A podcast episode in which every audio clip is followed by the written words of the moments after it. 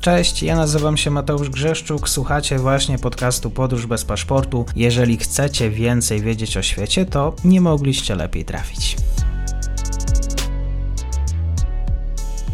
Dzień dobry wszystkim słuchaczom. Dzisiaj jesteśmy w tematyce latynoamerykańskiej, kwestiami energetycznymi, bo o nich ostatnio bardzo dużo odcinków w związku z tym, co się dzieje. Kryzys na rynku energii. Moim gościem jest pani Joanna Kędzierska, dziennikarka, która zajmuje się tematyką międzynarodową. Dzień dobry.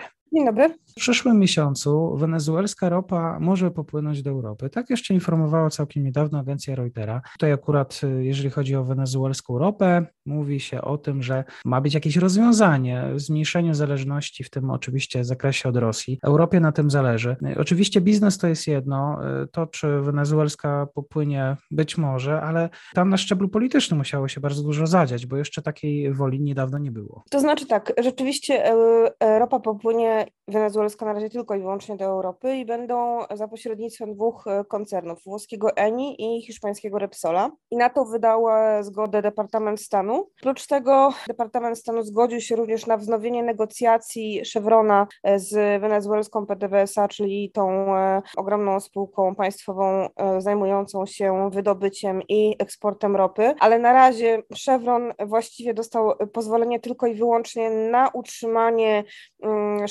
i na ewentualne rozmowy na temat wznowienia negocjacji, natomiast nie ma mowy o e, eksporcie ropy do Stanów Zjednoczonych ani do żadnych innych kierunków, ani też e, sprzedaży. Jeżeli chodzi o Eni i Repsol, e, na razie ty, ty, wiemy, że ta ropa ma popłynąć, natomiast no, tutaj kwestia jest też tego typu, że to nie jest do końca korzystny deal dla Wenezueli, powiedzmy, bo to będzie ropa za długi tak zwana, czyli, czyli PDVSA ani reżim Maduro nie dostanie za to gotówki, dostanie e, umorzenie e, części długów i ewentualnie tak, zwany opóźnioną, tak zwane opóźnione dywidendy, czyli pieniądze w, jak, jakiejś tam przyszłości. Jeżeli chodzi o relacje amerykańsko-wenezuelskie, nie zmieniło się tak naprawdę jakoś bardzo dużo. E, można powiedzieć, że Stany Zjednoczone zaczęły rozmawiać z Wenezuelą i z reżimem Maduro, ale do jakiegoś przełomu wielkiego e, na razie nie doszło. To znaczy, no, Wenezuela zgodziła się na wypuszczenie dwóch e, więzionych Amerykanów na dalsze rozmowy, ale no, zwrócił na przykład uwagę, że, że Biden e, nie zaprosił jednak e, Maduro na szczyt Ameryk, który się,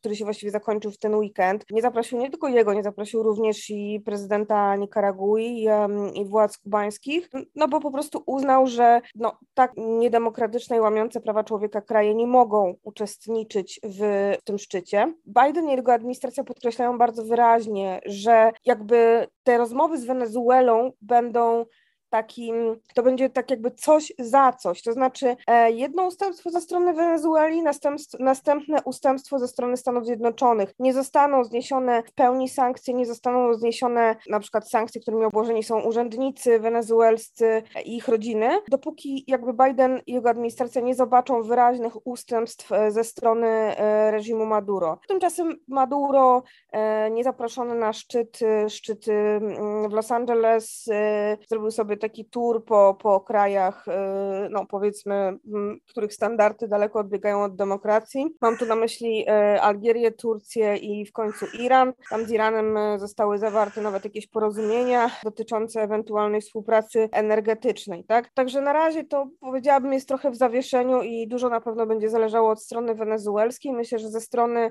amerykańskiej jest wola, bo Amerykanie w końcu pojechali do, do Wenezueli, ale myślę, że na razie jakimś takim szerokim strumieniu Europy z Wenezueli y, mówić nie możemy. To jest niezwykłe, bo jeszcze całkiem niedawno wielu stawiałoby na to, że Maduro jest już praktycznie skończony, że przyszłości dla niego, jeżeli chodzi o politykę międzynarodową, nie ma. Tutaj proszę bardzo, 11 czerwca wizyta w Teheranie i jeszcze w dodatku tutaj te informacje w związku z kryzysem energetycznym. Tak, to znaczy ja myślę, że taki moment rzeczywiście był y, w czasach administracji Trumpa, że i tak twierdzi przynajmniej John Bolton, czyli były doradca doradca do spraw bezpieczeństwa Stanów Zjednoczonych, to opisał w swojej książce The Room Where It Happened, e, że, że rzeczywiście było bardzo blisko tego upadku Maduro i bardzo blisko było tego jakby przejęcia częściowo władzy przez opozycję i że jakby opozycja i Amerykanie byli już jakoś tam dogadani z, z wojskowymi wenezuelskimi, że część, że duża część z nich popierała Juana Guaido, czyli, czyli um, lidera, jednego z liderów opozycji, no i, no i osobę, którą Stany Zjednoczone i wiele krajów demokratycznych uznają za faktycznego prezydenta Wenezueli. Ale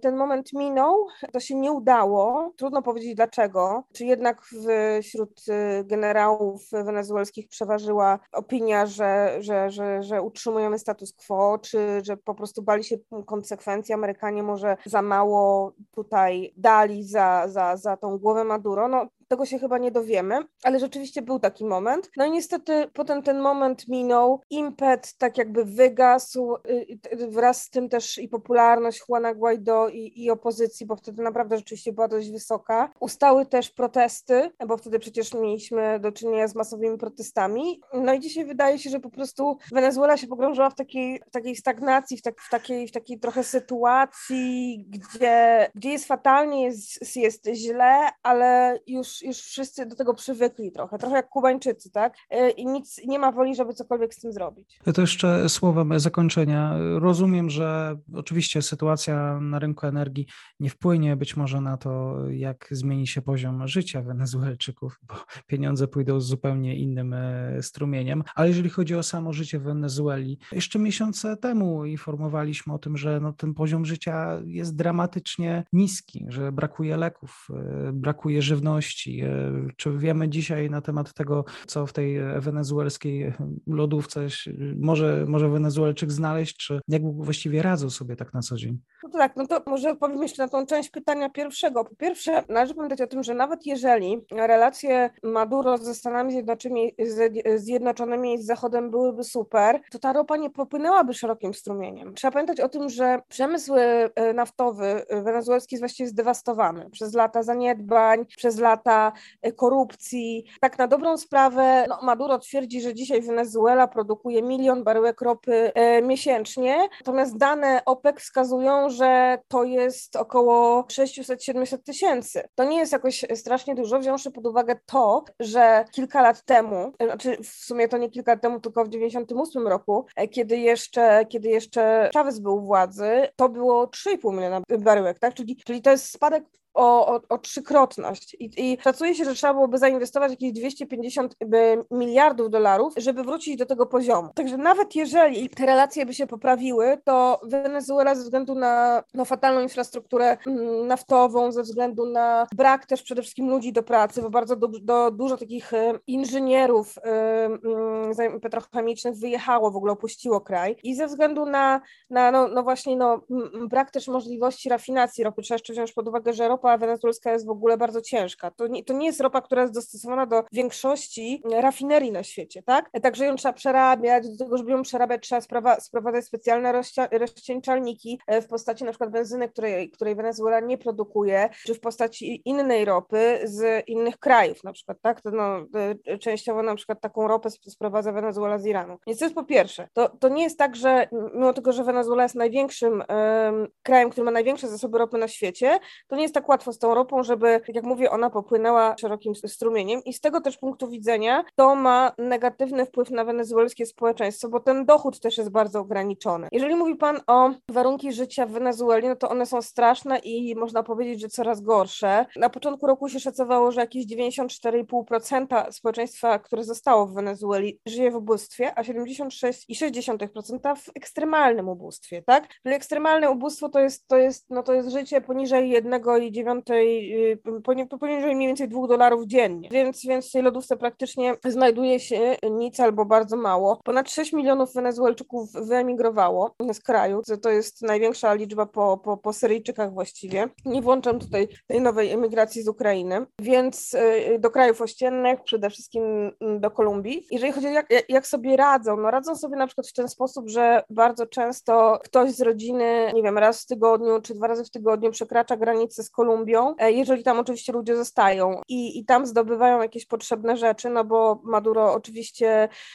zaprzecza temu, że jest jakikolwiek kryzys w Wenezueli i wielokrotnie, już zresztą to widzieliśmy nawet, nie chciał wpuszczać pomocy humanitarnej, więc, udawał, że jakby tutaj nie ma żadnego problemu, więc, więc no, no ten poziom życia jest tragiczny, biorąc pod uwagę, że, że, że Wenezuela śpi na ropie i ma złoto, ma ogromne ilości innych, e, innych bogactw, tak, jest na przykład też e, dziesiątym krajem, jeżeli chodzi o, dziesiątym krajem na świecie, jeżeli chodzi o, o zasoby e, gazu naturalnego, tak, którego praktycznie w ogóle nie wydobywa i nie sprzedaje i też jakby kiedyś tam coś wydobywała, ale oczywiście jakby wraz z tym, jak infrastruktura naftowa się całkowicie zdegenerowała, to, to, samo, to samo się stało z gazem. Więc, więc, więc ten poziom życia no, jest, jest, jest, jest tragiczny. No, część ludzi ma też jakby rodzinę gdzieś tu, a to w Stanach, a to właśnie e, w Kolumbii. To jest trochę na zasadzie przesyłania jakichś pieniędzy, ale, no, ale generalnie rzecz biorąc, to życie jest bardzo ciężkie e, i, i właściwie ci, którzy tam jak, jako tako żyją, to są ludzie i to blisko związani z władzą. Dzisiaj na ten temat, e, że rzeczywiście wenezuelski prezydent Maduro wraca do gry. Tutaj stawką jest również ta wenezuelska ropa i o życiu właśnie w samej Wenezueli. Pani Janna Kędzierska. Bardzo dziękuję za spotkanie i do usłyszenia. Dziękuję bardzo. I to już koniec na dzisiaj. Zapraszam na profil podcastu Podróż bez paszportu na Facebooku, Instagramie i Twitterze. Zachęcam też do wsparcia mojej pracy na serwisie Patronite oraz Buy Coffee. Do usłyszenia.